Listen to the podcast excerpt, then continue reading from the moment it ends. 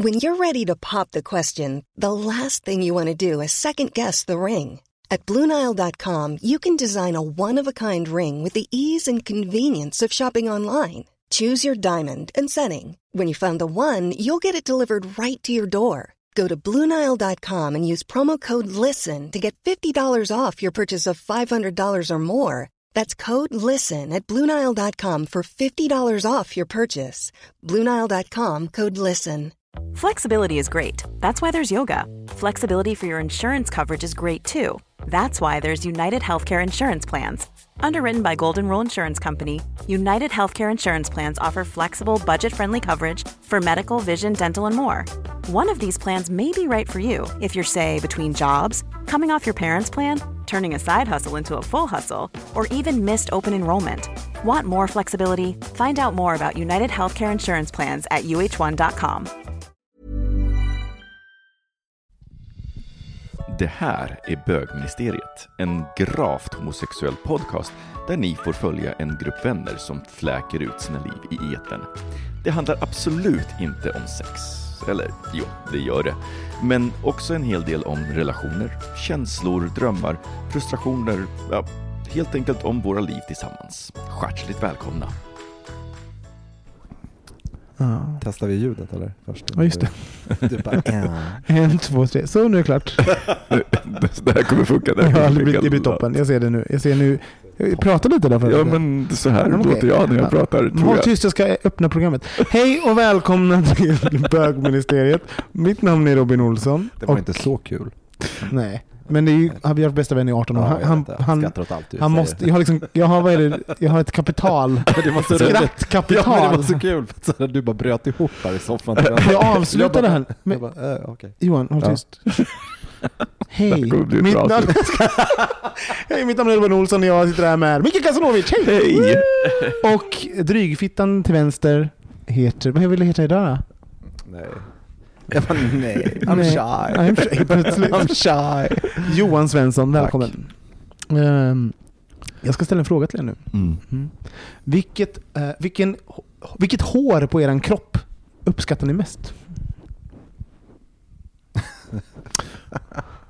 Alltså... Bra. Stark fråga, eller? Stark fråga. Fan vilken stark Den ledde, ledde mig till någon slags existentiell kris. Nej, Ja. jag skulle säga håret på huvudet. Håret på huvudet. Mm, Så många lager. verkligen. Mm. Vilket huvud? Johan? Så kul var det inte. Ja, jag är jättestolt över mina ögonfransar. Nej, alltså, Gud, nej. obefintliga. Ja, exakt. Du bara allop Hår. Alltså, det finns, inte, så, finns inte så mycket att välja på. Jag har ganska hårlös kropp. Jag blir att som en delfin. Ja, En dryg delfin. så här. ja, verkligen delfin. Ja, du...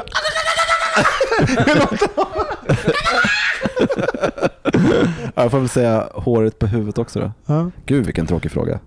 Tråkig fråga. Jag, Ja. jag säger nog faktiskt... Ta om den, eh, var katt, en. Nej. jag tar nog mitt brösthår. Jag, tycker det, jag gillar brösthår. Mm. Och med det tar vi...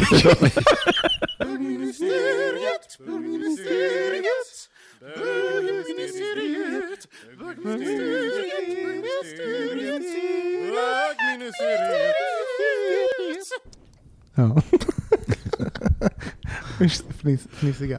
Vad, ehm, eh, hur är det, vad, vad, vad har ni gjort? Hur, hur går det till när man leder det här? Den här podcasten, jag har bara gjort 300 avsnitt av det här. Och du har glömt bort hur? Ja, men, vad har ni gjort idag? Vad har er dag sett ut? Ja, min har ju inte något allmänintresse skulle jag Har säga. inte? Nej. Men hur avgör du det? Hur vet du det? Men det var en ganska tråkig dag som eh, som alla andras Vad är dagar. en tråkig dag för dig? Ah, nej men jag gjorde bara metodiska, vanliga, tråkiga uppgifter. Du vägrar svara på mina frågor. Ja. Så jävla jobbig person. nej men vad har jag gjort idag? Nej men jag... Eh, eh, Alltså om du svarar på det nu, då kommer jag få, få liksom, eh, lite, lite eh, någonting att gå på, så ställa Ja, ytterligare frågor. just det. Är så det fungerar. jag letade efter rekvisita till ett eh, fotojobb. Hur börjar man det? Hur börjar man, eh, när du får ett fotojobb, hur börjar du då? Vad är det första du gör? Eh, läser briefen. Vem ger den den? Eh, Vem är Eh, det kan vara en eh, kund, en art director, en, Ja, precis. Kunden är ju den som ger mig briefen. Men, och, och vad, får, du, får du med en gång, för det här, får du med en gång en vision i huvudet? Eller måste du liksom så gräva i, inspiration och sånt? Alltså försöker du hålla dig ifrån att bilda en bild i huvudet eller en vision med en gång? Nej, det måste man göra. Så Ja. det är väl, eh, men eh, nej, utan jag tycker så att eh, en brief som i min värld kan ju vara alltifrån väldigt detaljerad till väldigt öppen där det handlar om att, att det är min, just min associationsbana som är en del av det man köper också. Så det är klart att så att det är alltid någonting som går igång på vilket sätt man ska binda ihop det estetiskt och berättande på olika sätt. Så Men det är ju så här, det är en, Mm.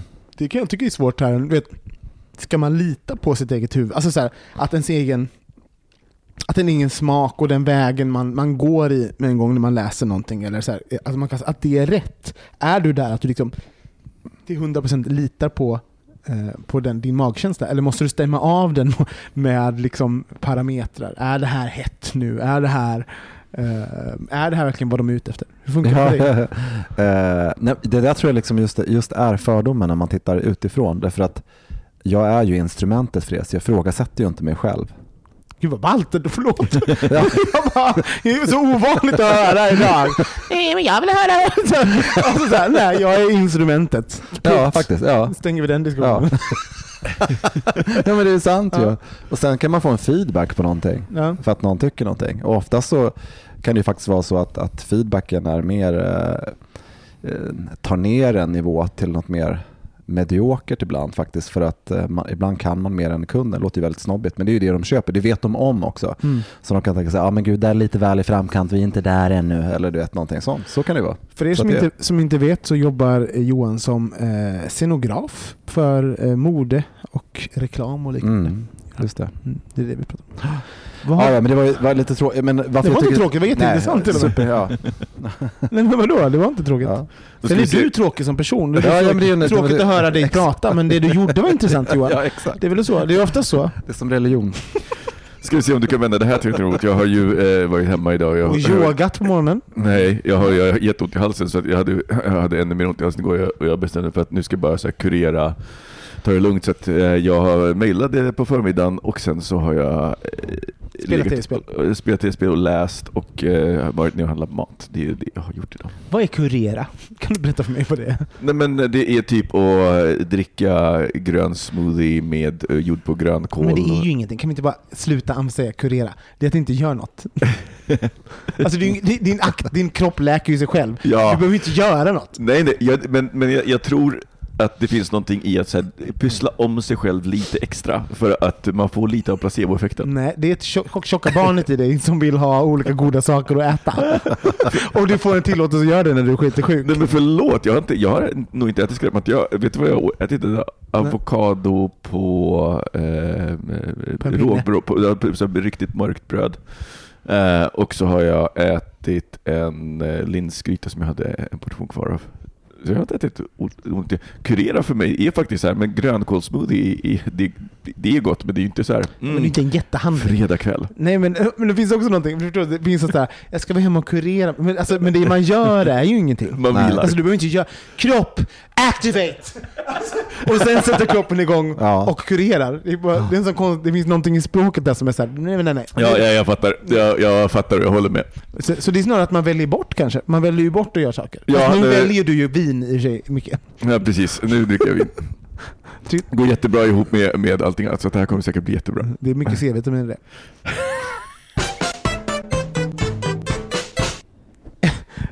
Ja, det slog mig häromdagen. Jag hörde... Uh, nej men det så, man, hör ju så här tjejkompisar hur de pratar. Alltså hur, sätt som tjejer pratar med varandra om deras pojkvänner eller framtida pojkvänner eller deras love interests. Så det finns liksom ett kollektivt ansvar för den individens kärleksliv på något Mm. sätt. Men, men du, han är skitstövel, lämna honom eller vi måste hitta en, en bra kille för dig Katrin. Någon som har bra fast jobb och, och tjänar bra med pengar. Inga, inga mer douchebag, inga mer fuckboys. alltså där. Och det här kollektiva ansvaret för individen skapar liksom en form av retorik i gruppen som är så här. Alltså, den har sitt eget liv och vi ser, den, vi ser det narrativet i liksom filmer, i tv-serier, i våra vänner, alltså bland våra det, om It's jag som not that bög- into you. Exakt, ja, men, allt det där. Om jag liksom går ut, alltså jag umgås så himla mycket med bögar och så går man ut och så ser man så här, en grupp tjejer tillsammans. Så blir så här, men gud! Det är ju så här! Eh, och jag förstår liksom, men det finns något uppfyllande i en uppfyllande profetia i det, för man ser också det här med heter, Besch, vad heter det testet, när man, huruvida två kvinnor kan föra en konversation. Ja, Bechdel-testet. Bechdel-testet i film. Hur, huruvida två kvinnor kan föra en konversation om någonting annat rörande än en man, eller deras relation till män och sånt där. Men roligt, verkligheten, det finns ju någonting i verkligheten som är så också. Alltså så här, eh, i heteronormativa tjejrelationer så att säga. Mm.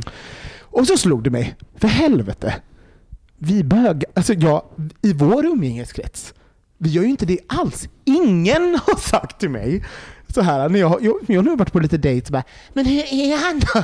Hur är han? Ha? Du borde ha, eller kom, ni lägger inte i mig huruvida min framtida partner ska vara på ett visst sätt. Alltså bara så här, eh, jag slog mig vilken extremt stor skillnad det är. Och vi, vi leker inte heller matchmakers, alltså, eller, vi försöker inte para ihop folk. Ingen har försökt Nej, hitta en kille åt mig. Har, vi har inte det kollektiva eh, ansvaret kring mitt kärleksliv. Och eh, alla är väldigt mycket hands-off tills man liksom introducerar en ny spelare Mm. in i leken. Mm. Alltså alla de här grejerna, jag bara, men gud!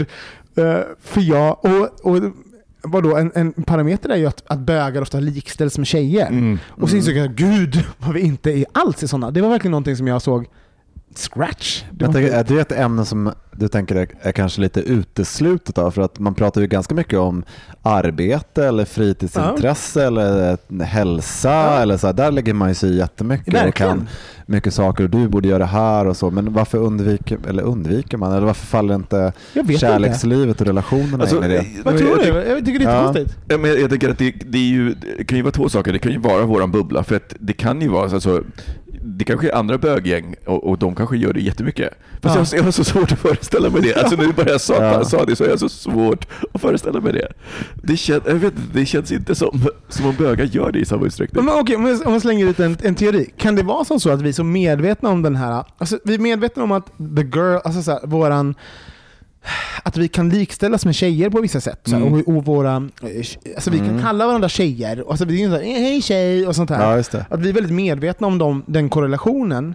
Ehm, och att vi kanske medvetet har, väljer att, in, alltså förstår, att, att eh, ta ett steg ifrån vissa typiska ehm, beteenden i grupp. Jag vet inte, om, Ja. alltså, skulle det bli, skulle det vara att, att göra det för, skulle det vara att, att göra det för tydligt? Alltså, så- göra det, Det låter lite långsökt Ja, det jag. kanske- Ja. det låter för att jag tänker på att det är väldigt, då ska man vara, det är en väldigt meta-grej ja, det. nej, det är bara jag som Jag tycker, det handlar, ja, jag Precis. tycker det handlar väldigt mycket om hur, vad har man för öppenhet i, sin relation till andra människor? Vad tycker man det är lätt att prata om? Och varför är det relevant eller varför är det inte relevant? Men varför exempel? tror ni det? Vad, är, vad är det? Det måste ju bero på någonting. Jo, men jag kan tycka, alltså eh, nu eh, efter eh, det var ju, när jag var yngre så var det färre som hade stadiga relationer. Det är ju en sak. Nu pratar jag bara Att det är utifrån många fler som har det. Ja, nu pratar jag också utifrån mitt eget generationsperspektiv. Idag tror jag att det är lite annorlunda. Och sedan, så att det är klart att jag har haft väldigt starka åsikter liksom kring vad jag tycker. Vilka som borde vara tillsammans. Nej, inte vilka som ska vara Men jag tycker när man förstår att en relation bygger på konstiga saker så kan jag tänka på det själv. Så jag har ju samma åsikter. Men jag kan tycka ibland att, att det finns en... Det är väldigt många bögar som inte pratar när de har problem i en relation till exempel. Det är Mm. ju samma grej. Mm. Som att om du kan prata om när det är bra. För jag tänker på, jag har ett, så här, ett tjejgäng som jag är liksom inte del utav men jag är liksom i periferin, peri, vad heter det? Periferin. periferin av det. Och, då, och där är det väldigt så här, utan, det är inget skambelagt eh, på något sätt. Någon tjej kan säga så fan han är så jävla dum i huvudet, han har slösat alla pengar eller han har inte velat knulla på tre månader eller du vet alla sådana där. De pratar om sådana saker jätteöppet. Mm. Eh, Det finns liksom ingen så här, eller han, eh, eh, nu har han varit så här dum eller du vet, det finns alla de aspekterna och det är ingen som säger gör slut med honom eller Nej. så här, utan det är bara en grej så här, som man pratar om. Eh, och jag har varit med på många sådana middagar där jag tyckte att det varit väldigt så här, högt i tak på det sättet och ingen som sitter där och tycker att åh nu har jag valt en dålig partner eller Men du så. menar, du menar att, att det ett, då, skulle, då menar du att, att det finns en, att vi en medvetenhet om att, att det finns en prestige i det? Att vi skulle vara Förstår du? Att de, de, de har lättare att visa sig svaga. Ja, det- exakt. Det är det, Ja. det, det jag tror också. Att för att, Jag, jag tycker att det låter lika långsökt. Alltså i alla fall i vårt gäng för att men- ja, det finns liksom ingen, alltså det finns ju ingen eh, Alltså jag, jag, jag tycker nog att det kanske låter, eh, så här, det låter lite omoget för mig att, Att- eh, att vara men att, att gå eh, till sina kompisar och, och vara så här gnällig över den man är tillsammans med. Men nej, fast jag tror det- inte... Jag, jag håller jag Nystar vi inte det. fel håll nu? nu okej, Ja. vi börjar ett andra... Okej, om vi, istället, för att börja, istället för att nysta i varför man gör, okej, vad tycker vi om den typen av, av konversationer? Om, vi börjar, vi, om jag börjar så, här, så kan jag tycka så här, att det finns någonting i... ehm, nej men så här, att, att det finns en... eh, eh, nej men här, är det en releva- alltså här, att det finns en respekt, att jag litar på att jag inte behöver alla överallt hela tiden. Och att jag litar på att mina vänner gör bra val. Att det finns liksom en sån där eh, en respektfullhet i att låta folk vara i fred. Eh, och, och, Ja, och hur, hur, hur mäter man den typen av konversationer? Och att, alltså så här, jag, har- jag har alltid lagt in den typen av... kon- Sen så se- inser jag nu när jag säger det här att det även kanske finns någonting av det du säger Johan, att, att man även eh, men att i, i mannen att vilja vara stark och klara av saker själv. Alltså, jag har, vi är ju komplexa varelser så det, det kan ju vara båda två. Ja. Men, men vad, vad betyder ett sånt samtal? Betyder det att ha ett sånt samtal? Men, ett sånt, men, men nu pratar vi om två olika saker. Pratar vi om, om den man är tillsammans med eller pratar vi om att para ihop folk? För det är också så två olika saker för mig. Är det? Jag, jag tycker att det finns liksom samma typ, samma, samma person som sitter där och matchmaker och som ger de här snabba Dumpa honom! Katrin, dumpa honom! Han är inte bra för dig. Ja. Fattar du den? Och samma sak som så bara, du jag har världens bästa kollega, Niklas heter han. Han är singel. Ja. nu målar jag upp Ja, grova visst. penseldrag här. Men det finns liksom en likhet i den. Jo men det tycker jag också när jag själv var, liksom var singel förra gången fick jag mycket så här från tjejer just rekommendationer. Så här, att Mm. vad de hade för någon som var singel och sådär. Mm. Liksom. Eh, men vad jag, ty- de- jag tycker, jag de tycker det hör, hör ihop lite på något sätt. Alltså, jag tror inte det handlar om att det är bara ett sätt att ha en konversation. Det behöver inte alltid vara så allvarligt heller. Men- Liksom. Jag tror att, att det är bara ett sätt att som man Men varför? Okej, jag är singel, det är inte ni Alltså, två. här, jag- varför jag ger tror- ni mig aldrig råd? Eh, Okej, Om nej, vem men, jag ska- eh, om vi ska separera, om vi- om vi ska avsluta det första, för så tror jag en sak som gör kanske att vi då kan, kanske inte Alltså, så här, om man pratar om venting, alltså, nu vet jag inte vad vad det är för bra ord. Eh, Ventilera. Ventilera, men du vet, så här, att ventilera något. Vi, är ju alla, och liksom även när- Robin var tillsammans med sitt ex, så var vi fortfarande liksom, alla var kompisar med alla. Det är ju liksom inte, så att det fanns ju liksom inte det här att det blev lite grann att snacka skit bakom ryggen på folk om Ja, man fast jag tror att, men jag tänker att det är en sån en, ventilerar. sån här värderingsgrej också. För att jag tänkte på, jag tycker det här tycker jag Just det, nu- k- kompisar tillhörde inte. In- I, i, alltså så här, I straighta relationer Yes. till så här, här är hans kompisar, här Ja. är hennes Ja. kompisar. Medan liksom, i våra relationer så är alla vänner med alla, så att vi Ja. kan inte prata om varandra på Nej, samma men sätt. det, då blir det snack bakom ryggen. Ja, Mm.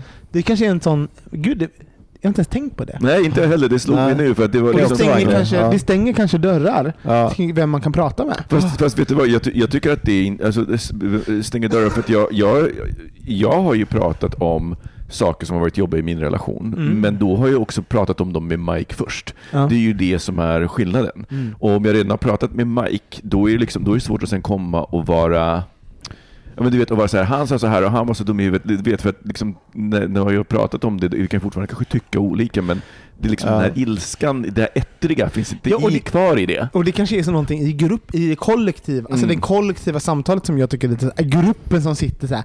Han är dum i huvudet. Alltså så här, du vet det narrativet som, som skapas Ja. kring, kring någons lilla, han gjorde så här. vad tycker ni om det tjejer? Ja, Alltså det. så. Eh, Och det, jag har inte varit med om det. Så, den, den känns så himla främmande på något sätt. Men um... Och, och sen när vi pratar om dig, varför inte, alltså förlåt, men jag kan inte tänka mig någonting som skulle göra mig mer, stress, mer stressad än det här att jag har parat ihop det med någon ny på dejt. Och jag skulle, du jag skulle gå hela den kvällen och bara ah, hur är det går? Ah, nej, de, de, har börjat varandra. Du vet, så här. varför då? Du? Nej men, nej, men jag tänker så här, du är ju väldigt bestämd med vilka människor du gillar. Och inte. Och, väldigt, och jag har nog inte alltid koll på varför det gillar folk och inte heller. inte jag heller. Så, då blir jag lite osäker. Så här, då kan jag säga, men vad ska jag para ihop då? Men, men det roliga är att, vad skulle jag... Alltså, det var så här, den, den, som liten, för, liten eh, förtroende för mig. Du bara, vad skulle jag göra? Döda honom? alltså, det, vad är det värsta som skulle ske? Alltså, jag byter huvudet av Jag är ju alltid trevlig. Sen kan jag ju kanske avsluta den efter väldigt kort tid för att jag inte Ja, vill slösa på någons tid. Nej, men jag tänker inte bara, jag tänker inte bara, bara utifrån från ditt perspektiv. Jag känner du vet, så här, ansvaret jag skulle ta för den Ja. där dejten. Men det är så känner jag nog med... Det är därför jag stort. skulle para ihop jag, jag känner att jag skulle kunna pe- peta någon Men har ni någonsin gjort det? Har ni någonsin försökt att para ihop någon? Nej.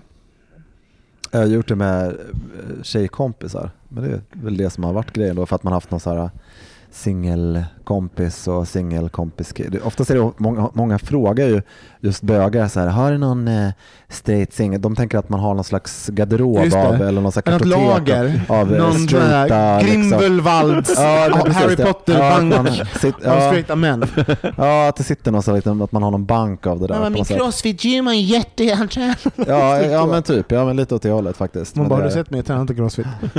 Nej men intressant aspekter där tycker jag, att prata om att just att, att det finns ett vänskapsdrag sådär eh, på det sättet som du beskriver. Men det finns ju också, jag tycker också det finns en gråzon om man tänker på den här tjejreferensgruppen, för det har jag sett ända tillbaka i tonårstiden. Att jag tror att det finns en, jag vet inte, om man det här med att, att eh, säga saker, vad man tycker, oavsett om det är negativt eller positivt på olika nivå. Det handlar ju också om en slags känslomässig spontanitet.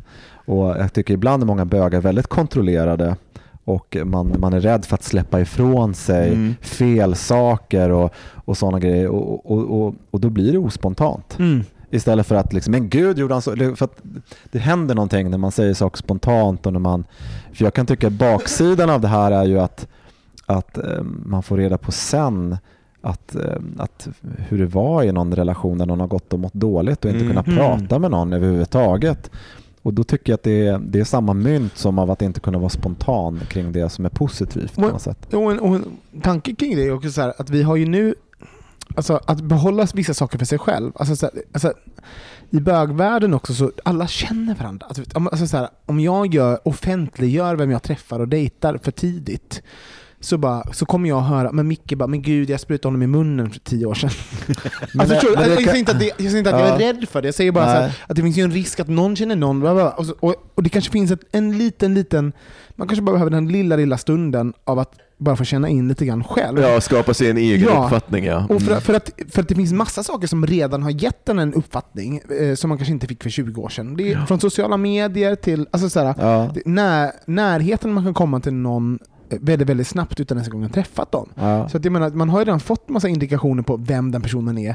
Att addera det här, ja men du vet, så här, mina komp, vad mina kompisar tycker. Mm. Den, ja. Ja, det är lite synd tycker jag för att den där, det är, den är ju kanske både sa- sann och falsk beroende på vem det är som gör sådär. För det är som jag pratade med förut när man, när man var yngre och det var som liten värld så tyckte man att folk var lite så här häxiga.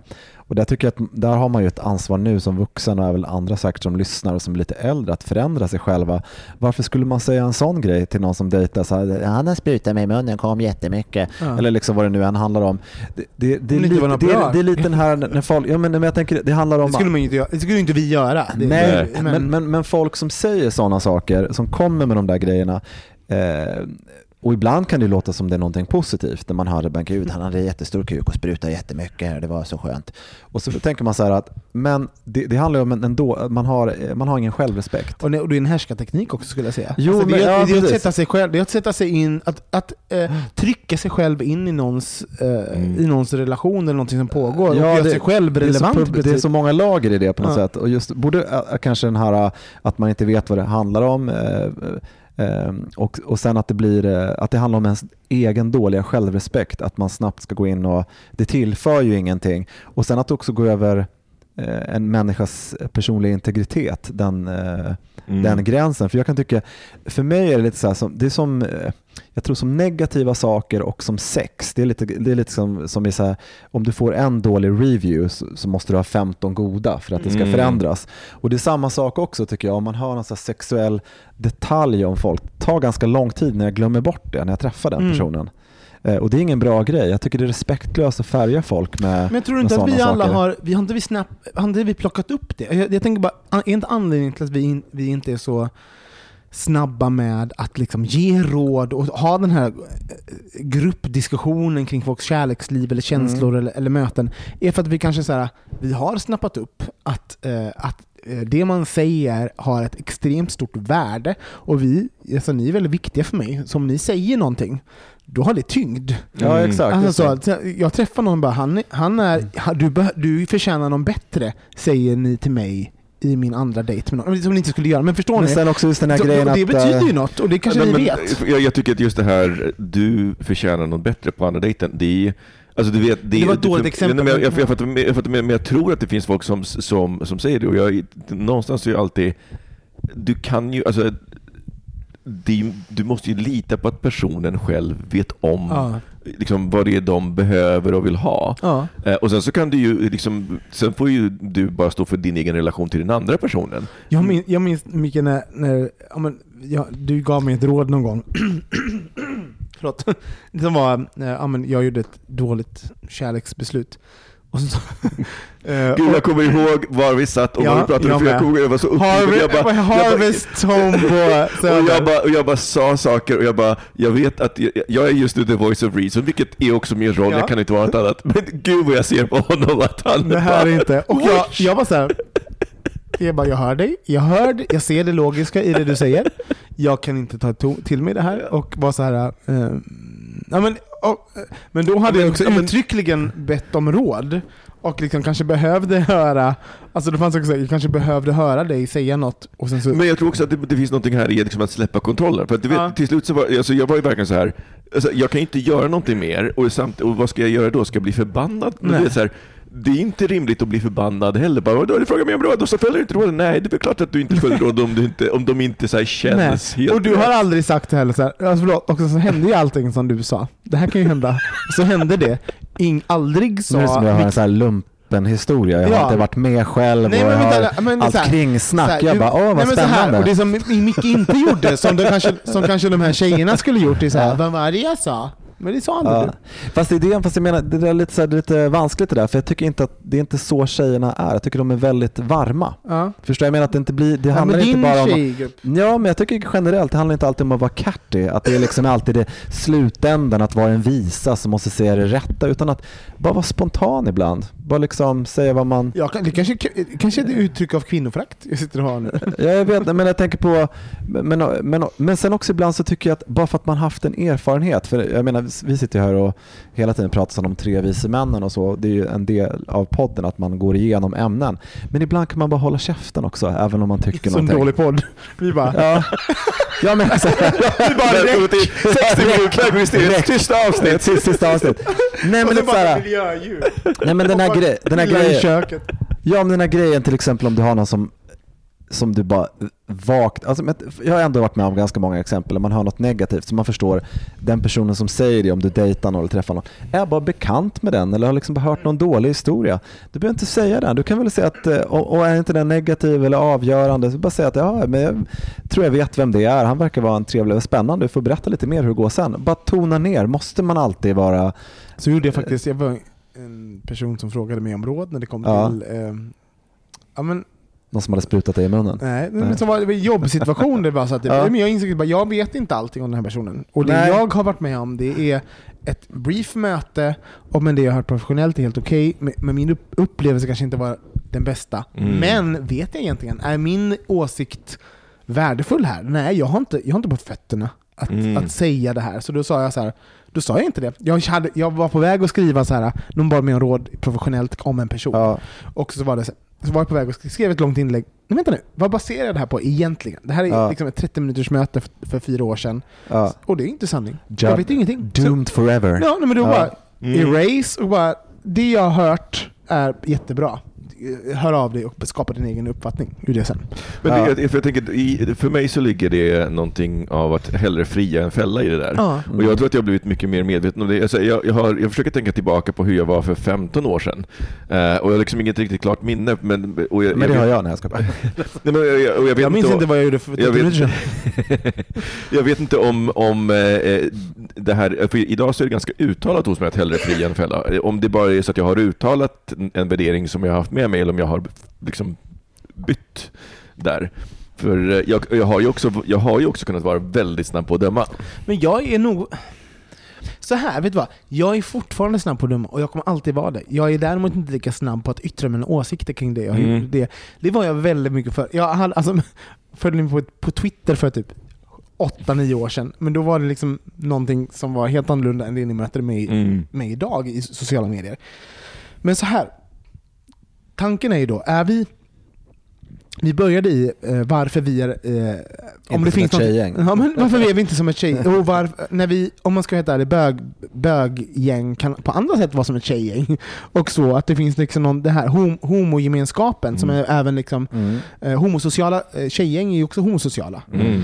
Ehm, men i det läget, i det, eh, den grejen så skiljer vi oss. Ehm, och, och, då, men, och då undrar jag så här, eh, om vi bara eh, slänger in en, ytterligare en sak i, i liksom, eh, Kasta in en liten till grej Jo, i men, grytan. och han har, om vi då lägger in könsroller i det. Mm. Mm. Eh, finns det någonting i att män i större utsträckning eh, drillas att lita på sin egen instinkt och att vi, ska, vi drillas kanske från barnsben att på något sätt vara, vara eh, eh, ensam är stark, eh, tro på oss själva, eh, kanske i större utsträckning eh, inte behöva ta hjälp av andra. Alltså, finns det någonting där mot vad tjej, tjejer gör? Ja, det tror jag absolut Mm. att det handlar om den manliga rollen också. Den, det, bland, det blandas in. Men och därför tror jag också att det, det är därför det kanske den homosexuella rollen sen blir svår under den här komma ut-processen och att man, som du säger, man har varit ensam, ska man vara ensam, vara stark vidare. Mm. Och så blir också kärleken väldigt sårbar. För jag kan också, jag vet inte hur man kan knyta det till det här, men jag kan också ibland märka då att när någon träffar eller dejtar så drar de sig undan på Mm. något sätt. Som, och det är det som förvånar mig.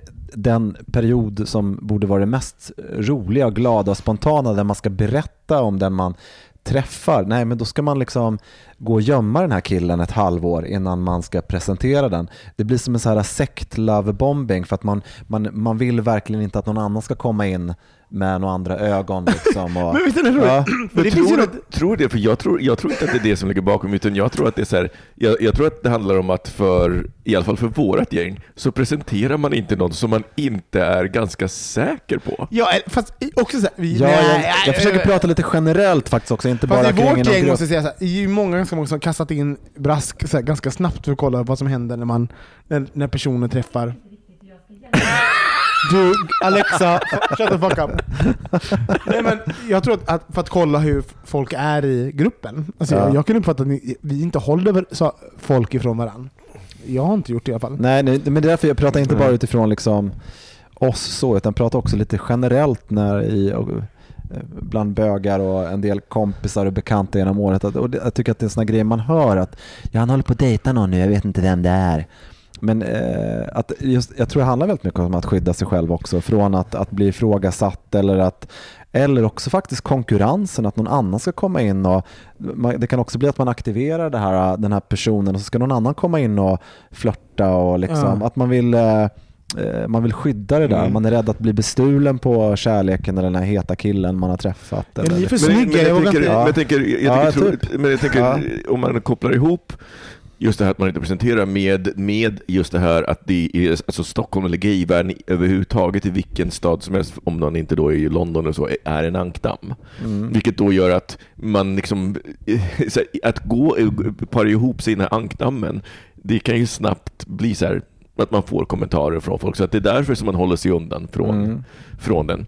Att man liksom vill, vill, vill, vill få en chans, vill ge det här en chans utan att liksom alla andra är med i det. Ja.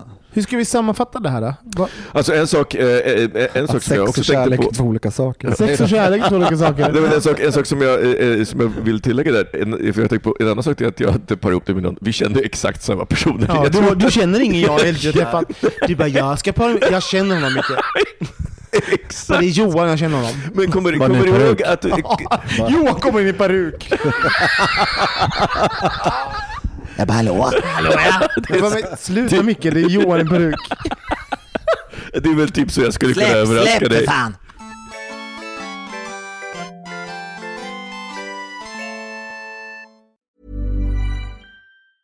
This Mother's Day, celebrate the extraordinary women in your life with a heartfelt gift from Blue Nile. Whether it's for your mom, a mother figure, or yourself as a mom, find that perfect piece to express your love and appreciation. Explore Blue Nile's exquisite pearls and mesmerizing gemstones that she's sure to love. Enjoy fast shipping options like guaranteed free shipping and returns. Make this Mother's Day unforgettable with a piece from Blue Nile. Right now, get up to 50% off at BlueNile.com. That's BlueNile.com. Quality sleep is essential. That's why the Sleep Number Smart Bed is designed for your ever evolving sleep needs. Need a bed that's firmer or softer on either side? Helps you sleep at a comfortable temperature? Sleep Number Smart Beds let you individualize your comfort so you sleep better together. JD Power ranks Sleep Number number 1 in customer satisfaction with mattresses purchased in-store. And now save 40% on the Sleep Number limited edition Smart Bed for a limited time. For JD Power 2023 award information, visit jdpower.com/awards. Only at Sleep Number stores or sleepnumber.com.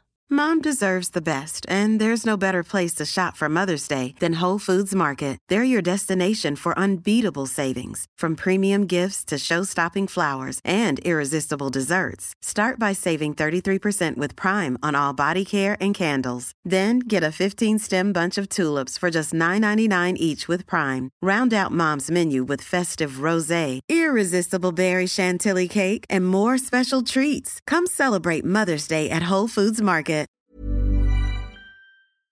Vi har fått ett lyssnarbrev eh, från en som vill vara hemlig och ämnet är dödsångest.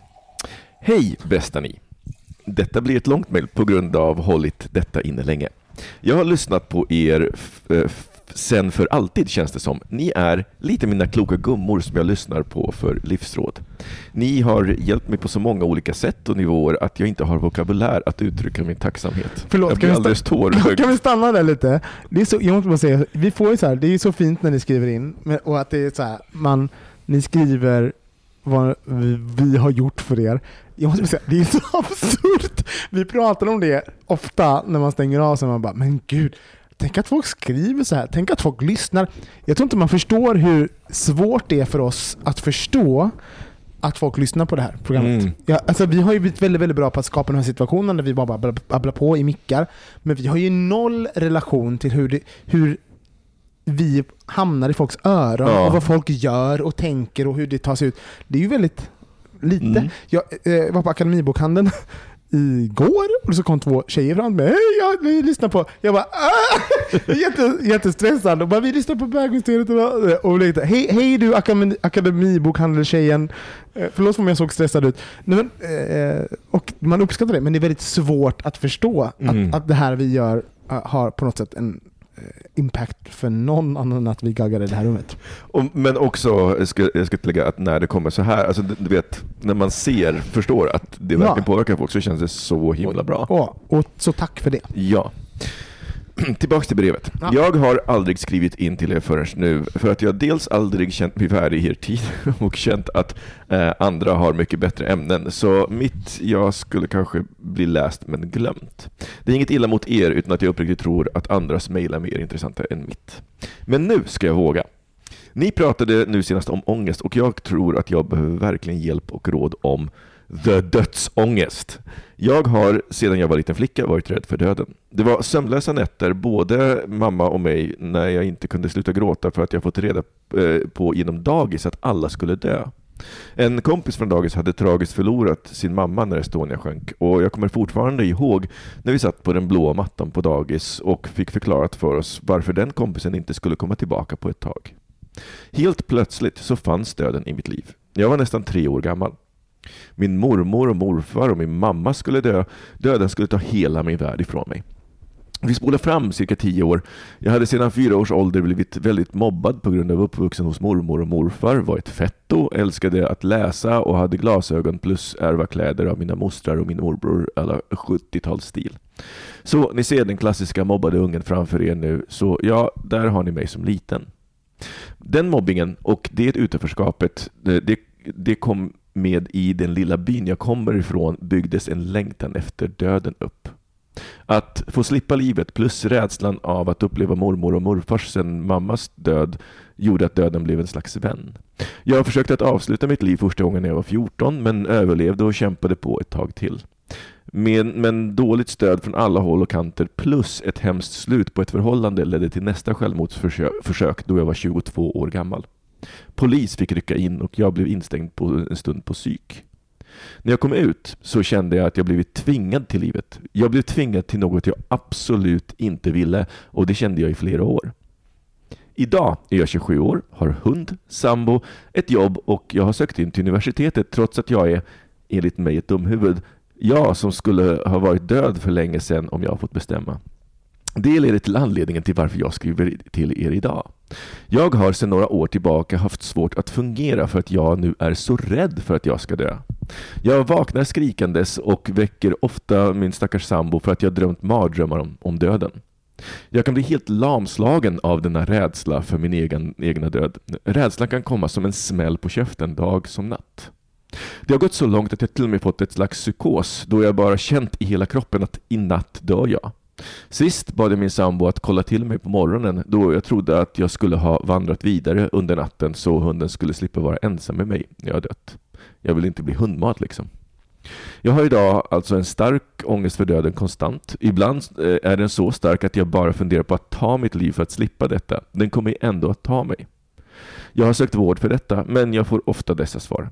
Vad fint att du känner att du har ett liv som du är rädd om och sörjer och äsch, det är långt kvar innan det är din tur. Jag är inte troende, jag önskar verkligen att jag var det. För mig, eh, eh, för att bara försvinna är verkligen inget som lockar mig. Inte heller min undersökning på nätet eh, om vad som exakt händer med hjärnan och kroppen under och efter döden har hjälpt mig att komma till ro med att döden kommer. Snarare tvärtom och är idag räddare än någonsin. Så hjälp! Ni visar kloka och fantastiska människor. Hur tänker ni om döden? Är det rädslan för att glömmas bort och hittas en vecka senare när ni luktar hundfis och lever på steg från helvetet som skrämmer mest? Eller vad tänker ni? Är ni tillfreds med döden? och hur kom ni dit i sånt fall? Tack för att ni ens läste detta långa mejl, om ni gjorde det. Och tack för att ni finns orkar göra denna fantastiska podd som bögministeriet är. Kram, M. fin. Väldigt, väldigt fint brev. Och jag, jag kan säga att jag känner igen mig extremt mycket i det som M skriver faktiskt. Eh, jag tänker vi må, jag känner att vi, vi döper den här för M känns så opersonligt. Jag säger, det är en tjej, Malin. Ja. M. Malin. M. M, kan du inte säga M? Tycker du det låter fint? M. Tänk EM. Som hon ja, som det är... tror jag också. Jag tror ja. det var M. Ja, okej. Okay, okay. ja, som är, M. Ja. Som vet hon, eh, som, uh, Dorothy. Jag köper det. M. Annie, Annie M! Vet du det hon vill hem till? M. Ja, M. Um, nej men, eh, alltså de... Vi, vi, kommer ju, vi kan väl avsluta med de där frågorna, liksom när vi har orerat lite grann. Så om det är rädslan för att glömmas bort och hittas en vecka senare. Så här.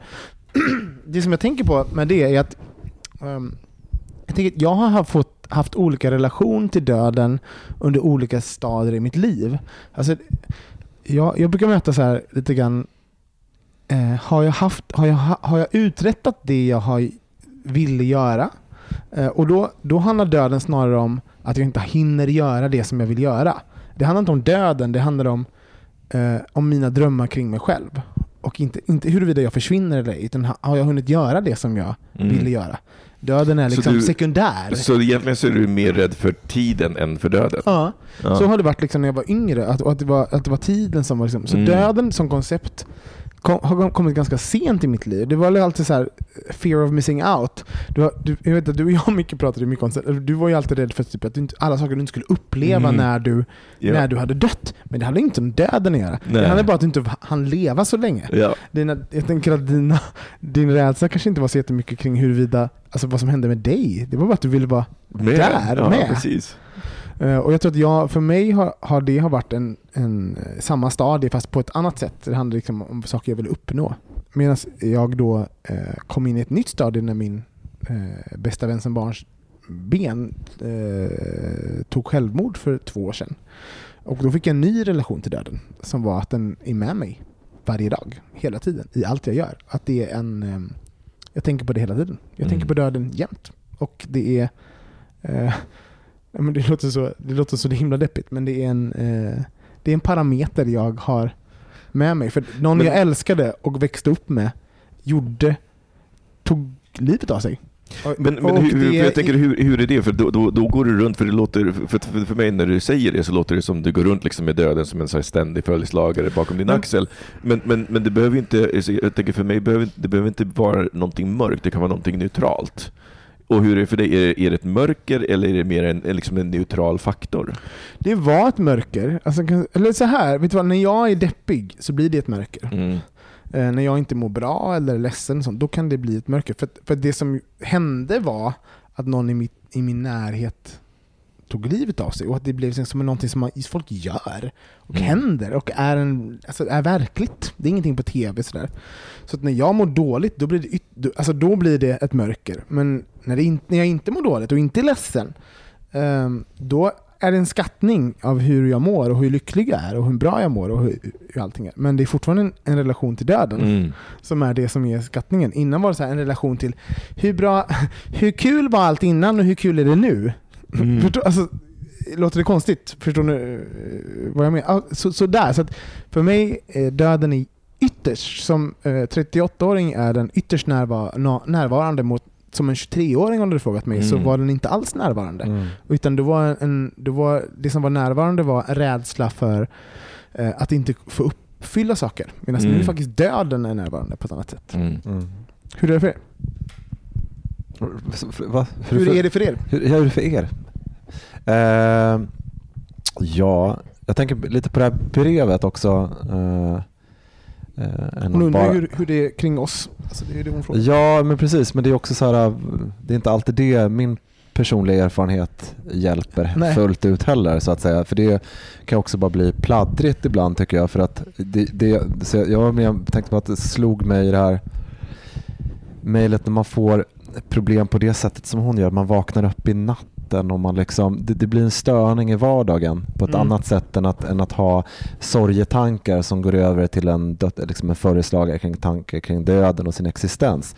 Det är en annan, annan form mot att, eh, eh, som hon säger, eh, få de här Men, men, jag, tycker, men jag, tycker, jag tror att våra lyssnare är helt medvetna om att vi inte är psykologer. Jag hoppas att ni är medvetna Ja. om att Ja. ingen av oss har, liksom, är kompetenta. Och hon frågade faktiskt om så här, hur, vad vi har för relation. Alltså, det kanske bara ger henne tröst att och lyssna och höra Ja, det. Jag tänker vi behöver så inte vara. analysera henne Ja, så mycket som att kanske berätta om våran. Ja. För jag, är, jag är på riktigt nyfiken, för jag är nyfiken. Så jag vet inte, ingenting om din inställning till döden Johan. Nej. Nej, nej, men visst, exakt. Nej, men det, absolut, jag kan eh, absolut prata om det. Men, men eh, det var bara det som slog mig, att jag tycker att det är, det var lite jag kan komma in på det sen. Jag kan, eh, jag, jag, faktiskt in, jag har ingen dödsrädsla eh, riktigt. Eh, och, eh, och, eh, och ingen Har det alltid varit så? Eh, ja, lite så faktiskt tror jag. Och ingen direkt så här, ångest eh, över det heller. Eh, så att jag är inte så bra, det är därför jag menar jag är inte så bra person för att liksom... Nej men det är Eh, ganska... Det är ganska det, det är liksom så att, när du var liten, vad, vad tänkte du då? När Ja, upptäckte när, du döden när, när förstod du att folk dog och sådär? Ja, men eh, precis som eh, säkert om alla när man gick på dagis, när man pratade med vuxna och så. Men, men jag tror eh, som, i ens vuxna psyke så tror jag att det är en helt annan annan grej. Att, tror man som barn så blir döden en saga. Det mystifieras i tonåren. Man kollar på vampyrgrejer och man tittar på olika grejer. Man börjar, eh, som säger, sen kommer de unga åren där man liksom tycker livet är väldigt långt framför men också väldigt frisk. Man har väldigt få personer runt omkring sig som dör. Det kanske är en mormor eller morfar avlägset långt fram som är 60 år äldre än mig eller något liknande. Sen kommer en tid kanske man börjar vid 30, det folk blir sjuka, du är med om att någon tar livet av sig och eh, man börjar förstå att livet är förgängligt och då tror jag att det kommer upp det där man har med sig i bagaget på något sätt. För jag tror att alla tar eh, döden på olika sätt och det väcker olika grejer inom en på något sätt. Men eh, jag kan tycka att, det, att livet är härligt och kul. Och det finns, men jag skulle tycka det var tråkigt att dö liksom, Ja. tidigt. För att det som jag sa förut till dig, att, att, eh, att, att dö ung, som det här citatet från Carl Jung, att man, liksom, att man inte får bli en fullbordad människa. Det är det Mm. som är lite det tråkiga. För att man lär sig saker hela tiden det finns en njutning av det när man blir äldre faktiskt. Som, ja, men som man inte kan få när man är ung för att det är bara en blick framåt. Det handlar Mm. väldigt mycket om självuppfyllelse och eh, Mm. livet blir mer komplext sen. Så att jag, jag har inte den där den, eh, det, det är inte så press i mitt liv utformas att det skapar en dödsångest. För det är det, det är det jag tänker också, för vissa människor blir också, när det blir en hög press så då kan det, vara, då kan det ta sig sådana uttryck istället. Så att man, man kanske inte heller bara ska fokusera på det här dödsbegreppet för att undra vad det är för någonting Mm. också ibland. Men ibland, ibland kan jag tänka att, att vi fokuserar väldigt lite på det i vår Ja, kultur. herregud, Ja. i, i vår samtid. Ja, och hur är det för dig Nej, men för, att, för att jag tror att för mig så kom ju lösningen i att jag, alltså jag undviker ju att tänka på döden. Jag, jag undviker att konfronteras med den och i och med att jag, ja men du vet så här, min, det närmsta jag har kommit eh, döden eh, i, liksom, i, i, i min umgängeskrets, det är en eh, kompis lillasyster som jag inte, som jag hade träffat bara en gång. Liksom. Hon var så mycket yngre. När jag var typ mm, 20, 22. Och sen så eh, en, eh, Pamela och Mikes styvmamma när hon dog. Du vet, det så, så jag har, alltså det ja, det alltså såklart, så jag, min, min, min farmor dog, men min farmor hade jag liksom noll relation till. Eh, eh, så då blir det ju liksom, då blir det som om någon dör, man ser någon på TV som har dött och bara, ja, det, det, jag har ingen känslomässig koppling till det. Men, eh, och, och för mig, liksom, när jag började konfronteras med, med det här då, så insåg jag ju ganska snabbt att vänta ett tag, det finns ju massa olika lager i den här. Det som jag har klumpat ihop som en enda sak, jag är rädd för döden, det var egentligen en massa olika nivåer. Ett var den här rädslan för att inte existera och inte få uppleva liksom, och inte få vara med. Men den speglades ju bara i döden i att liksom döden skulle vara någon slags existens där man inte fick uppleva. Men det är ju, låter ju, alltså förlåt, men bara, det är ju en, det är en motsägelse i sig själv. En existens där man inte upplever, det finns ju inte. Alltså existerar man så upplever man. Eh, så att, Men Ingen har sagt att det finns existens när man dör nej, nej precis, och, då, och det lugnar mig. Du vet, för då skulle det vara så, men vänta ett tag, men då, då, då behöver jag inte alls oroa mig för att när det händer, då händer det. Så att då insåg jag att så här, okay, det, jag, det jag var rädd för, det var så här smärta. Du vet, för det mesta idag med död, det är ju väldigt sällan som vi får Eh, höra framförallt om naturligt. Du vet, så här, somnade in lugnt och stilla bland vänner. Du vet, så här, att man, det händer ju inte så mycket idag, utan idag, och framförallt i vår ålder, då är det liksom, det är olyckor, det är cancer, det är självmord, det är alltså, alltså saker som per definition är associerade med lidande. Och då blir ju lidandet innan dess eh, så jobbigt. Så du vet, när, när jag väl började, började släppa på det här så var jag så här, okej, jag, jag är fortfarande rädd. Du vet, så här, jag tänker så här, sitta i ett flygplan som håller på att störta, ja, men jag, då skulle jag nog vara så här, då ska det vara ganska lugnt, för jag vet att det kommer inte kännas någonting, för när det väl Men, kraschar men hon, det. hon frågar vad vår relation till döden. Du hade en jätte... Alltså, jag, men, här, jag har känt dig i snart 19 år. Eh, Du är en av mina äldsta vänner. Jag minns ju hur du var för 15 år sedan. Mm. Du var ju tokig. Ja, jag Du var ju vet. dum i huvudet när det kom till Ja. döden. Du gjorde ju helt galna in, beslut. In denial. Du var helt, gjorde helt galna beslut i ditt liv på grund av att du var rädd för döden. Alltså du var ju, alltså du var ju, om, om, vår kära lyssnare, liksom, alltså så här, tänk alltid du känner och tänker och sen så agerar du på det. Så var Micke för 15 år sedan. Alltså han, han gjorde grejer som var så här: jag kan inte dö, jag måste göra det här. Ja. Jag måste, jag måste ändra min kost, annars dör jag. Jag måste träna, annars dör jag. Ja, Jag måste, jag måste Ta varje chans jag har. varje chans jag har för att förlänga mitt liv, jag måste kolla upp hur mitt huvud kan frysas ner. för att annars... Alltså, du, vet, här, du, gjorde, du hade ju en sån... ehm, Nej, men det, alltså, jag tänker det var ju för mig ett sätt att hantera dödsångesten utan att hantera den. Helt Ja. enkelt, jag gjorde saker som, som gav mig en ursäkt till att jag inte skulle dö. mm. För du vet, det räcker med att jag bara har... Just det, det var innan jag, ångesten jag kom. Äter, jag äter hälsosamt och därför så minskar risken att jag dör och då skjuter jag så här känslomässigt ifrån döds, dödsångesten. Och sen så lägg på det här med transhumanism och, och liksom hela det här att "Ja, den är första människan som eh, är- kommer bli 1500 år född. Jag bara yes! Helt plötsligt så du vet så här, ge sig själv utrymme att bara säga jag behöver inte ta tag i det här för det här kommer aldrig hända mig. Men eh, eh, när ni tänker på döden, är det då rädslan för att glömmas bort? Alltså, om ni har, vad, har ni, vad, vad förknippar ni med Alltså så här, om man bara säger döden, vad förknippar ni med döden? Ordet döden, liksom. vad dyker upp i er? Eh, En enorm sorg, Ja. för, eh, både för en själv och för de man har runt omkring sig om man eh, går bort. Och speciellt för tidigt när man kanske har många planer i livet och bryter den Mm. eh, historien tillsammans är ju en, en ja, det stor... gör jag. Jag börjar typ gråta när du, när du säger det. Det är Ja. min största så här. Det är en stor, en stor sorg. Eh, och det är därför jag tycker det är intressant med, det är därför man, när man pratar om, jag tror därför eh, den här dödsångesten eller döden blir en så stark symbol för att det blir, det blir lite som ett barn, det är ett obändigt begrepp. Vi tror att det är en sanning vi har att göra med. Men egentligen så kan man ju säga det som du pratade om under de där man kan ju säga att det var egentligen en fantasi. Det var ingen Mm. verklighet. Vad är Det där dödsbegreppet, eh, det kunde inte du vid de åren nysta ut vad det är. Och därför kan jag tycka det är lite intressant, jag har sagt det förut, jag har inte läst någonting annat, men jag tycker det är intressant med det här utan att, med populärpsykologi, hon har ju varit väldigt i ropet som han Byron Katie, jag brukar skriva Mm. citat ibland med henne. Men det är just att, att eh, titta på dina tankar, du behöver inte tro på dem. Mm. Och Det är en ganska intressant grej för att eh, för det är därför jag tycker att eh, vi pratar väldigt mycket om vad, nu pratar vi om den verkliga döden, vad händer om man börjar tänka kring nära och kära om någon skulle gå bort och den enorma smärtan och sorgen. Eh, men det har ingenting med dödsångest att göra. Nej. Nej, men, nej, nej, precis. Jag tror att man Det det behöver sätta menar. ord på vad, vad det är. Vad det är. Dödsångesten är, det är en psykolo, det är en fantasi. Det är en Dödsångest har ingenting med döden att göra. Nej, har ingenting med döden att göra. Men, men för att jag tänker på det, för om jag tänker här, om, om ni skulle dö i alla fall nu, liksom, vad skulle, vad, så här, vad är känslan inför det?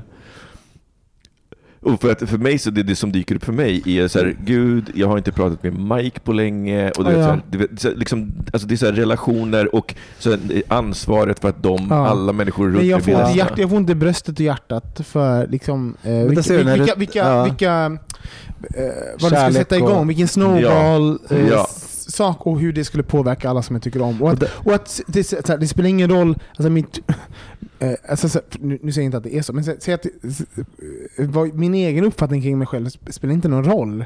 För Mm. att det, Nej, och det är det jag vill klargöra lite grann. För, att, nej, Ja. det, är inte, för det, det, det är sant när man, som man har panikångest, alla, det är sanna känslor. Men om man tänker på hon som skriver brevet då, om, om hon tänker på sig själv eh, så är hennes tankar och hennes känslor som är sanna och hur hon upplever dem. Men det handlar bara om hennes ego. Det handlar inte om ett empati för hennes pojkvän som finns där, utan det handlar om hennes egen flickvän. ångest. Ja, det är därför jag menar, ja, eller flickvän, precis. Men, eh, så bra att du måste lägga in det. Nej, men, Vi, vi, så- det stod bara sambo. ja, och jag, jag fick, jag vet inte att varför, men jag fick, måste- jag hen- fick flatvibbar Ja, av brevet. så jag bara kände visst, så Det fick jag också faktiskt. Nej, men, eh, eh, men jag tänker på den grejen, det är därför man måste separera det. Det är inte den, det är inte den Därför måste man separera fantasin ifrån att, att prata om, att vi pratar om döden Nej, men- nej, men- men vet du utifrån det eh, menar. Psyk- psykologiska ångestbegreppet. Nej men för att Det är om, jag ska, om jag ska liksom knyta ihop det, det, Ja. vill säga med min erfarenhet, så var det precis exakt det. Att jag Ja. började klä av den, jag började se, jag började titta på mig så här, okej, som jag skulle dö nu, vad, skulle, vad, är det, vad väcker det för känsla? Och, och börja titta på det och se, men vänta ett tag, det är ju liksom så många andra saker runt omkring. För att om, för att om man tänker också, om man tänker, tänk dig nu en naturlig död, tänk en person som har levt ett helt liv, Ja. så brukar man ju prata om att de somnar in. Och det Mm. låter ju fruktansvärt fridfullt. Men, det- alltså, och, det och jag tänker att jag, jag vet ju att de som har sett folk som har dött, så de, de säger det, det är väldigt fridfullt och väldigt lugnt och de, de här människorna känner sig ofta väldigt redo. Mm. Och jag tänker att, du vet så här, jag, för mig så blir det som ett, du vet en sån där, man har varit uppe så himla länge och är så dödstrött att man, bara, man bryr sig inte om vad som händer, bara man får sova.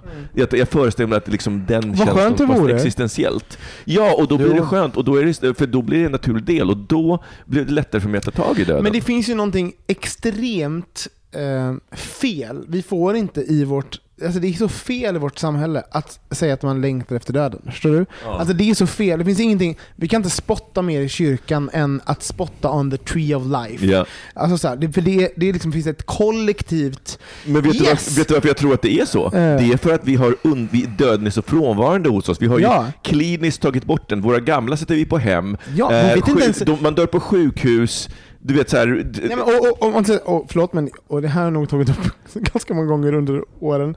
Men Erik Andinis eh, eh, Swedish Theory of Love, som handlar om liksom, eh, individualismen. Vad händer efter in, när Ja. individualismen är implementerad? Jo, det är att folk dör i små lådor ovanpå varandra i hyreshus. För vi har alla fått individualism. Vi Mm. Ja. behöver inte varandra mer. Exakt. Och sen blir vi uppätna av katter och då sätts processer igång i vår liksom, eh, industrialiserade eh, liksom, eh, kontext. Ja. Där, som måste städa och ta hand Ja. vad gör, och leta upp släktingar. För att vi är så himla individu, eh, eh, individualistiska så vi behöver inte varandra mer. Och det, och det är ju någonting så här, det är en del av döden vi inte pratar om. När vi är empowered, I'm a woman, I don't need no man. Eller jag behöver ingen, jag behöver ingen hjälp. Så här. Nej okej, vi, är så, vi, är så, vi är så fritagna från varandra att vi behöver inte varandra mer. Men samtidigt så har vi liksom, döden har vi ju hållit, håller på så här, mer än Och håller armslängds- och det blir jätteproblem för då är vi helt ensamma med döden som sällskap. Ja.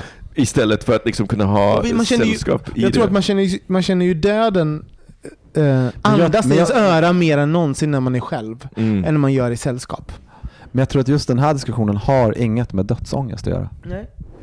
Det är det som gör att man, det är där man ska separera. Att det handlar inte om samhällets tabu för döden. Dödsångest är en existentiell ångest som man lägger etiketten död på. Ja, ja, det Så för, det handlar, för det handlar om självutplåning på något sätt. Och, eh, och, eh, och att, att en ång, för att liksom utplåna sig själv. Jag tänker på den här lilla detaljen som hon skrev i mejlet att jag ska börja på universitetet och hon skrev att hon tyckte att hon var korkad på något, jag vet inte vad exakta Det är inte orden. så konstigt om man har blivit mobbad under Nej, men, men jag är inte färdig här ännu. Utan jag menar att, att om du har en låg eh, självkänsla, det här hör ju ihop så att säga. Eh, att ha dödsångest kommer ju från någonstans. Och det, det, det, det är samma sak som det förra brevet förra gången också. Så att man, måste, man måste bara titta på det och inte koppla ihop eh, det faktiska dödsbegreppet till dödsångest. Det, det tycker jag är början. Och jag, måste... Det är liksom en väldigt viktig del. För annars pratar vi väldigt mycket om det tekniska kring döden. Vi pratar om det här med sorgen kring döden och så här. Det har ingenting med dödsångest att göra. Nej men om vi började, alltså, för det, alltså, förlåt men Men det är en Det finns- nyckel till jag- förlösning. jag förstår, det är nyckeln till förlösningen men, Mm. men döden är fortfarande där. Det är måste, någonting vi måste hantera, att, att det finns liksom tankarna kring det Ja, existerar. ja, ja, men. Men det är Ja. inte svaret på brevet. Nej, det är det inte. svaret på brevet kanske vi kommer till nu. Och jag tänker så här, någonting som det är jag... det jag försöker göra. Ja, men, och en sak, som jag, en sak som jag tänkte på som jag kände igen mig extremt mycket, hon Ja. beskrev ju typ mig när hon växte upp. Hon Mm. bara, tjock, ful, mobbad, läste mycket, bla bla bla. Tänk, tänk er en tjock person som var mobbad. Man bara, ja, du beskrev mig. Eh, och jag tänkte så här, hade jag den upplevelsen, hon hade en väldigt stark, en nära relation till döden då, när hon växte upp. Och så tänkte jag, nej det hade jag inte. Men däremot hade jag en ex- extremt självutplånande Alltså jag gjorde massa saker för att utplåna mig själv. Jag eh, flydde in i böcker. Jag var, jag var ingen. Jag var bara de böckerna jag läste och det eh, narrativet som befann mig just då. Vampy- En vampyrs bekännelse, Sagan om eh, drakens återkomst. Allt det där var liksom, å- åt upp mig på må- många, många sätt. Eh, när jag blev sexuellt aktiv så, å, så åt det upp mig på något sätt. Alltså jag hade, hittade olika sätt att, att utplåna mig själv. ehm, men det hade inte så mycket med döden att göra. Mm. Men jag tänker bara, men det hade kunnat gjort det. Det hade kunnat varit döden. Det hade lika gärna kunnat varit en sån, en sån grej som jag tänkte på och liksom hade en relation till. Mm. Lika mycket som de här böckerna. Mm. Jag tänker en vampyrs bekännelse var, det var ju jättemycket kring döden. Ehm, och jag var ju och så tänker jag att döden är ju en, ehm, det är ju en liknelse kring att inte att den situationen man befinner sig i så fruktansvärt så man, man tar vad som helst annat. Jag ville ju bara inte vara i den situationen jag var just då. När jag var mobbad och Mm. var jätteutsatt och hade alltså det var en fruktansvärd period. Liksom hela 16 timmar om dygnet när jag var vaken. Den, det vill jag ju byta ut till vad jag än hade möjlighet att göra det. Det Mm. jag hade framför mig var liksom typ så böcker och alltså, det- alltså, och det vill jag byta ut emot. Så jag, så jag tänker så att döden är ju en ehm, det är ju en flykt. Det kan man, jag tänker att hon, hon såg döden, jag såg böcker. Alltså så här, Mm. Vi vill bara inte vara där och då. Men det, det, är också så, det är väl också lite så att det är ångestens nivåer också, Ja. beroende på hur stark man är själv också. Om, du- om du ligger i din säng på kvällen och så tänker du så här, jag är värdelös, ingen älskar mig, jag är inte värd att älska. Sen börjar den här, lite längre fram sen en annan kväll när du somnar, så tänker jag, men jag är nog lite värd att bli älskad i alla fall. Jag är nog lite fin. Nej, det är du för fan inte. Du ska dö din jävla kärring. Alltså, då kommer eh, döden som symbol, som det döden är det yttersta utplånandet Ja. av självet Ja. och av din existens. Så att egentligen kan man säga att det är också ett svar, det, som jag sa förra gången, här på det, det, är en spegel av din livslust Mm. i det svartvitaste lagret kan man Mm. säga. Så när du får en en enda positiv känsla kan vara liksom en liten, för vissa människor, bara en klapp på ryggen eller av, av att känna att jag är värd att älska. Så, så finns det den här djävulen som säger nej, du ska dö. Mm. Det är det du ska göra. Och, då, och det som händer då som i din vardag, det är att du går och koncentrerar dig på hela tiden. Det äter upp hela din tid. Eh, dödsångesten, alltså det blir som en operativ grej. Så att döden påverkar hela din vardag där du egentligen Eh, om du hade fått varit lite mer normalt fungerande skulle kunna känna att jag är värd att bli älskad och jag är värd att bli respekterad. Mm. Mm, det, men det, det köper jag absolut. Men, men jag tänker om, om, om man skulle sen avsluta det här med några konkreta tips till, till henne, så skulle jag säga, är det så att liksom, döden stressar dig så skulle jag fundera på två, eh, två saker. För du, du satte fingret på någonting Robin. Är det så att du blir stressad för att du hin, inte liksom, är på den plats i livet där du trodde du skulle vara? För att jag nu är tror- hon rädd för att dö. Nu är hon livrädd för att dö. Det är Ja. så hon är nu. Ja. Ja, men precis, men, precis, men, men, men om man då gräver, gräver djupare i det, är det då som vi tidigare, för att man inte har någonting att leva för och känner att man inte riktigt har upplevt det. Mm. Så vet, så här, jag är inte där jag vill, vill vara, jag vill hinna uppleva mer, jag vill hinna mer. Och, och tanken på, då på att jag ska kunna dö i natt stressar ju mig nog vansinnigt i så fall. Ja, och det finns någonting i så här. Hon hade en jobbig, alltså det var fruktansvärt för henne när hon var barn. Då ville hon dö. Ja, och nu har, Nu har hon eh, sambo, eh, pluggar, mår bra, hon är livrädd för att dö. Alltså, Ja, jag mår inte dem- bra låter Nej, inte jag vänta. jag Hon säger inte att hon mår bra. Jag säger inte att hon mår bra. Jag säger att de här två eh, olika ytterligheterna har vi. Mm. Hon, hon var liten Mm. eh, och ville dö. Då var allting, alltså yttre, alla de yttre elementen var Ville hemska. få Då det, ville hon dö. Mm. Nu har hon massa så här check, check, check, check till- saker som hon då tänkte att det här är bra grejer i Ja. livet att ha. Och de har hon och nu är hon rädd för att dö. Och verkar precis. Och, och fortfarande så verkar hon vara kvar i en, ett stadie av att må dåligt kring det här. För att hon, she cannot win Mm. i så. Ja. Eh, och det är ju jättejobbigt. Och jag tänker så här. Eh, nej men jag är inte heller troende. Ehm, men vi måste också, det låter som att hon, vi har likheter på många sätt. Jag vet, hon, hon skriver in till oss, har liksom zoomat ut ifrån sitt eget beteende och kan titta på det ganska nyktert. Så Mm. ja, men det här händer. Det här Mm. är vad som sker nu. Och jag tänker så här, du verkar så klok och så bra, vår eh, brevskrivare. Så jag bara, du vet ju vad du gör nu. Eh, och det vet jag också vad jag gör. Det är ju också lite, man, lite självsabotage. Så här. Det handlar ju om att, att sätta, eh, att inte vara i nuet, utan sätta så här, eh, analysera, istället för att vara i det man eh, befinner sig i, så, så lyfter man upp allting till handlingar. Bara, va, hur mår jag kring det här? Alltså, det, det, det finns ett analyse, att analysen av saker är före att vara i det på något Mm. sätt. Jag känner igen det jätte- jättemycket.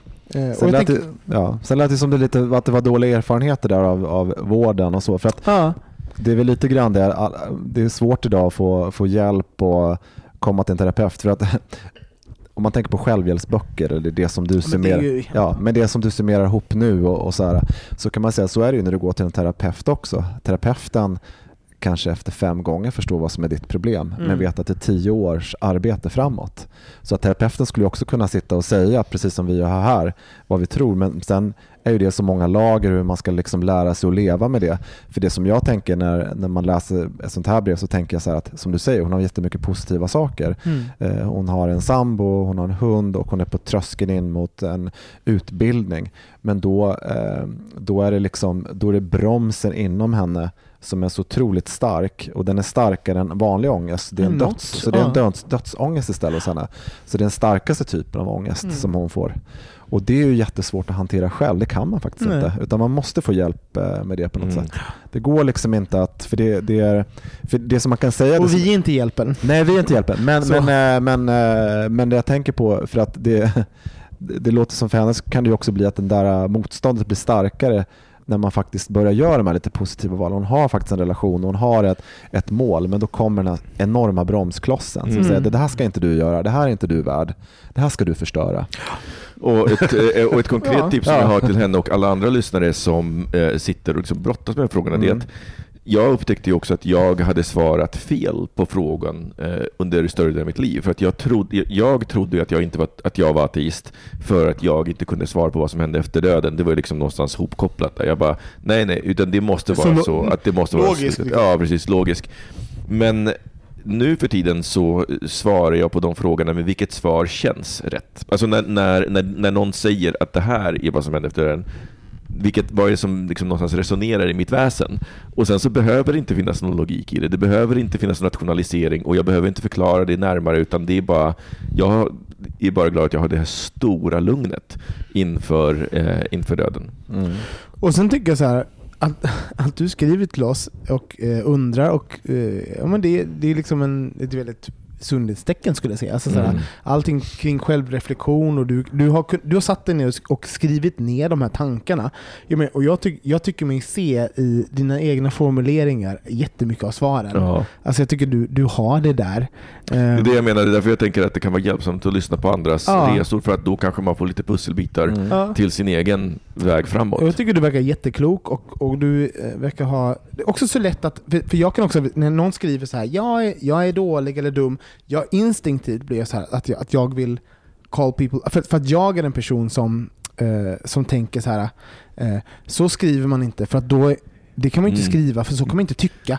Ant, antingen att man, att man fiskar efter eh, att man fiskar efter att jag ska säga men du verkar ju jättesmart och har skrivit det brevet, att det är så. Eller att, och, och, och, och så inser jag så här, men det vet inte jag. Det är min inställning. Jag Ja. vet inte hur folk, jag vet ingenting kring hennes, eh, för, alltså, det är min tolkning eh, utifrån vem jag är och hur Mm. jag ska skriva ett brev. Och så inser jag, men gud, hon, eh, och med det sagt så tänker jag så här, eh, du verkar jätteklok. Nej men det är det jag menar. Att, att, verkar nej, men jättebra. det finns ju skvaller, alltså så här, hela hennes mail är ju ett skvaller om en väldigt reflekterande person. Ja, Och då tänker jag så här, en reflekterande person har all potential i världen och sen så kanske man inte kan allting, men är man reflekterande så kan man lära sig det. Så att för mig så, så, så blir det liksom ett tydligt tecken på att hon har en bild som, inte, alltså, som verkligen är kvar på samma sätt som jag kan ha kvar den här tjocka, eh, icke utkomna personen i mig. Så, så- men du vet. och det här är väl en, en jätte... eh, ska jag avsluta allting på en jätte, jättedeppigt sätt, men så här, Men hörni, när man blir äldre, livet, alltså det finns vissa saker som blir bättre, men andra saker blir faktiskt sämre. Det är så här, ens medvetenheten om att man ska dö, att saker inte alltid är fucking perky. Uh, alltså, Fast att, får, jag, man, får, jag, ta det där och lyfta upp det? Jag din håller, nej, men, nej, Nej. men jag håller med dig, men får jag ta det och lyfta upp det på en, på en ja, bra jag är inte nivå? klar, jag är inte klar. Nej, Okej. Mm. Nej men så här, och, alltså, uh, medveten att livet är liksom eh, Oavsett dina drömmar och det, det du liksom springer emot så finns det liksom alltid en baksida. Alltså så här, Mm. De valen du gör för att nå dina drömmar kanske även har liksom någonting negativt som du lämnar Mm. bakom dig och det händer Mm. sen. Och, och att eh, man måste kapitulera till det. Vet, Mm. Alltså livet är inte en film. Eh, och liksom med döden är ju en sån här grej som bara, ah, men helt plötsligt börjar folk dö. Det är här, livet du kände när, in your twenties, när du bara, livet är fantastiskt. Sen börjar folk dö. Och du, folk kommer dö hela ditt liv. Det kommer fortsätta nu och sen kommer folk dö. Mm. Alltså så här, förlåt, men det, det är It's fucking, it fucking sucks, men det är någonting som händer. Eh, Och, och- så, och så vi måste förhålla oss vi till. måste förhålla oss till det. Och då är så här, jag var på en begravning med vår kära vän Samuel eh, mm, och sa jag till Bengt, en vän till Samuel och en bekant och vän till oss. Eh, och jag brast ihop. Jag grät som en... Det var jättehemskt. Eh, och jag bara, men jag kände inte Bengt så bra. Men jag var ett vrak. Eh, och så var det så här, men gud. Och jag tror att det handlar om att det här är mitt liv nu. Folk kommer börja dö. Mm. Och så är det. Och det var jobbigt. Mm. Och sen så var jag så glad att jag var där för Samuel. Alltså så här, och jag var så här, det kändes fint och det var hemskt. Eh, men det är också livet. Eh, och den tror jag är en viktig grej. Alltså så att vi bara, döden är med oss nu hörni. Och det behöver inte betyda att vi alla ska behöva gå iväg och ta självmord. Det är väl bara så att typ vi ska behöva, det är okej att tänka på den och vara rädd för den och prata om den och känna den och vara bara ha den med oss. Men that's okay. Och, och det, för mig så är det det här som kan lyfta upp det på en positiv nivå. För att jag har funderat på det här Jag funderar på så här, vad, skulle jag sörja om, alltså, känna om, inför min egen död om jag dog knall och fall nu? Och det, det ledde mig på relationer. Att så här, alla relationer jag har i mitt liv som jag verkligen skulle sörja, jag är beredd att betala det priset för de är värda det. Ja. Är du med? Så att, alltså, så på det sättet så blir döden Alltså den, den otroliga sorgen som följer med, den blir också ett, en värdemätare. För att, att, att jag är medveten om det, jag går in i de här relationerna och jag liksom, håller inte folk på en armslängds avstånd för att inte behöva uppleva den här, utan jag går all in Nej. för att den här relationen är värd det. Och då blir det för mig någonting så otroligt vackert Mm. i det. Du vet, att kunna så här, embracea det och vara så här, ja, när jag öppnar mig för den här personen, tar in den och liksom älskar den, så kommer det också innebära att det finns en risk att det kommer att göra lika mycket som jag älskar den, lika ont kommer det att göra. Mm. Men det är en risk, alltså jag tänker att, att, att acceptera döden tror jag också handlar om att acceptera priset och vara så här, ja, jag är beredd att betala det här priset och då blir det för mig någonting, alltså för, du vet, för mig, då släpper till och med den här ångesten över vad folk ska tycka för att du vet, för att jag, är så här, för att jag förutsätter att alla andra har gjort samma val. Mm. Och då släpper det lite för mig det här att, nej, alltså du vet, jag, så jag fattar att folk kommer läsa men du vet den här otroliga vikten jag kan känna av att Gud, tänk om någonting skulle hända och tänk, ja. Kära lyssnare, om du... ehm, vi avslutar det här nu. Jag hoppas att du fått lite tankar med det. Men jag tänker så att det, döden ska inte stå i vägen för livet. Du är inte död nu. Och dina, du är med dina vänner och den du älskar. Och liksom, så att, liksom, låt inte dina tankar på döden hindra dig att tänka och drömma om livet. Vi tar en liten jingel på det.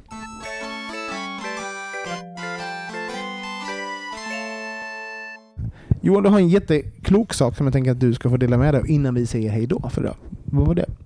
Eh, ja, vad var det? Eh, nej, men jag tycker att det är viktigt att, att sep- återigen, jag vill inte upprepa mig själv, men jag tycker också att det är viktigt att separera eh, den personliga historien om döden kring ett, ett, eh, ett, ett psykologiskt till- tillstånd av, av djup ångest och depression.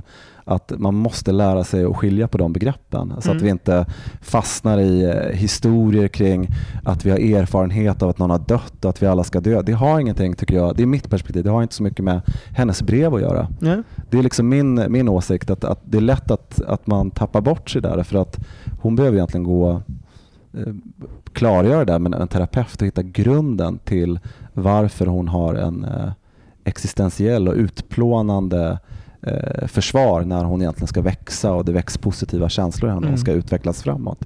Jag tycker det är, väldigt, det är en väldigt viktig del att, att tänka på att, att, eh, att döden är en stark symbol. Man måste förstå varför. eh, Ja, lite så.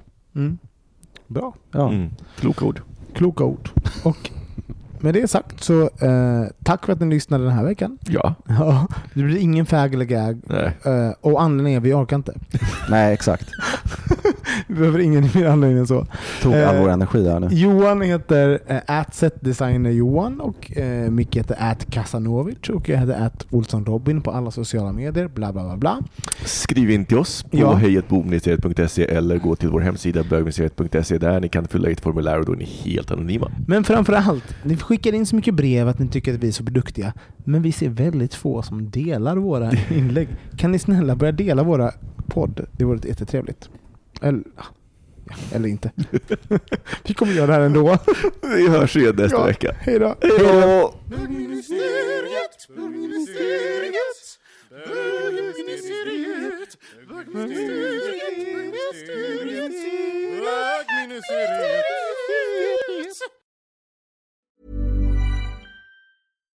Here's a cool fact a crocodile can't stick out its tongue. Another cool fact you can get short term health insurance for a month or just under a year in some states. United Healthcare short term insurance plans are designed for people who are between jobs, coming off their parents' plan, or turning a side hustle into a full time gig. Underwritten by Golden Rule Insurance Company, they offer flexible, budget friendly coverage with access to a nationwide network of doctors and hospitals. Get more cool facts about United Healthcare short term plans at uh1.com. Mom deserves the best, and there's no better place to shop for Mother's Day than Whole Foods Market. They're your destination for unbeatable savings, from premium gifts to show-stopping flowers and irresistible desserts. Start by saving 33% with Prime on all body care and candles. Then get a 15-stem bunch of tulips for just $9.99 each with Prime. Round out Mom's menu with festive rosé, irresistible berry chantilly cake, and more special treats. Come celebrate Mother's Day at Whole Foods Market.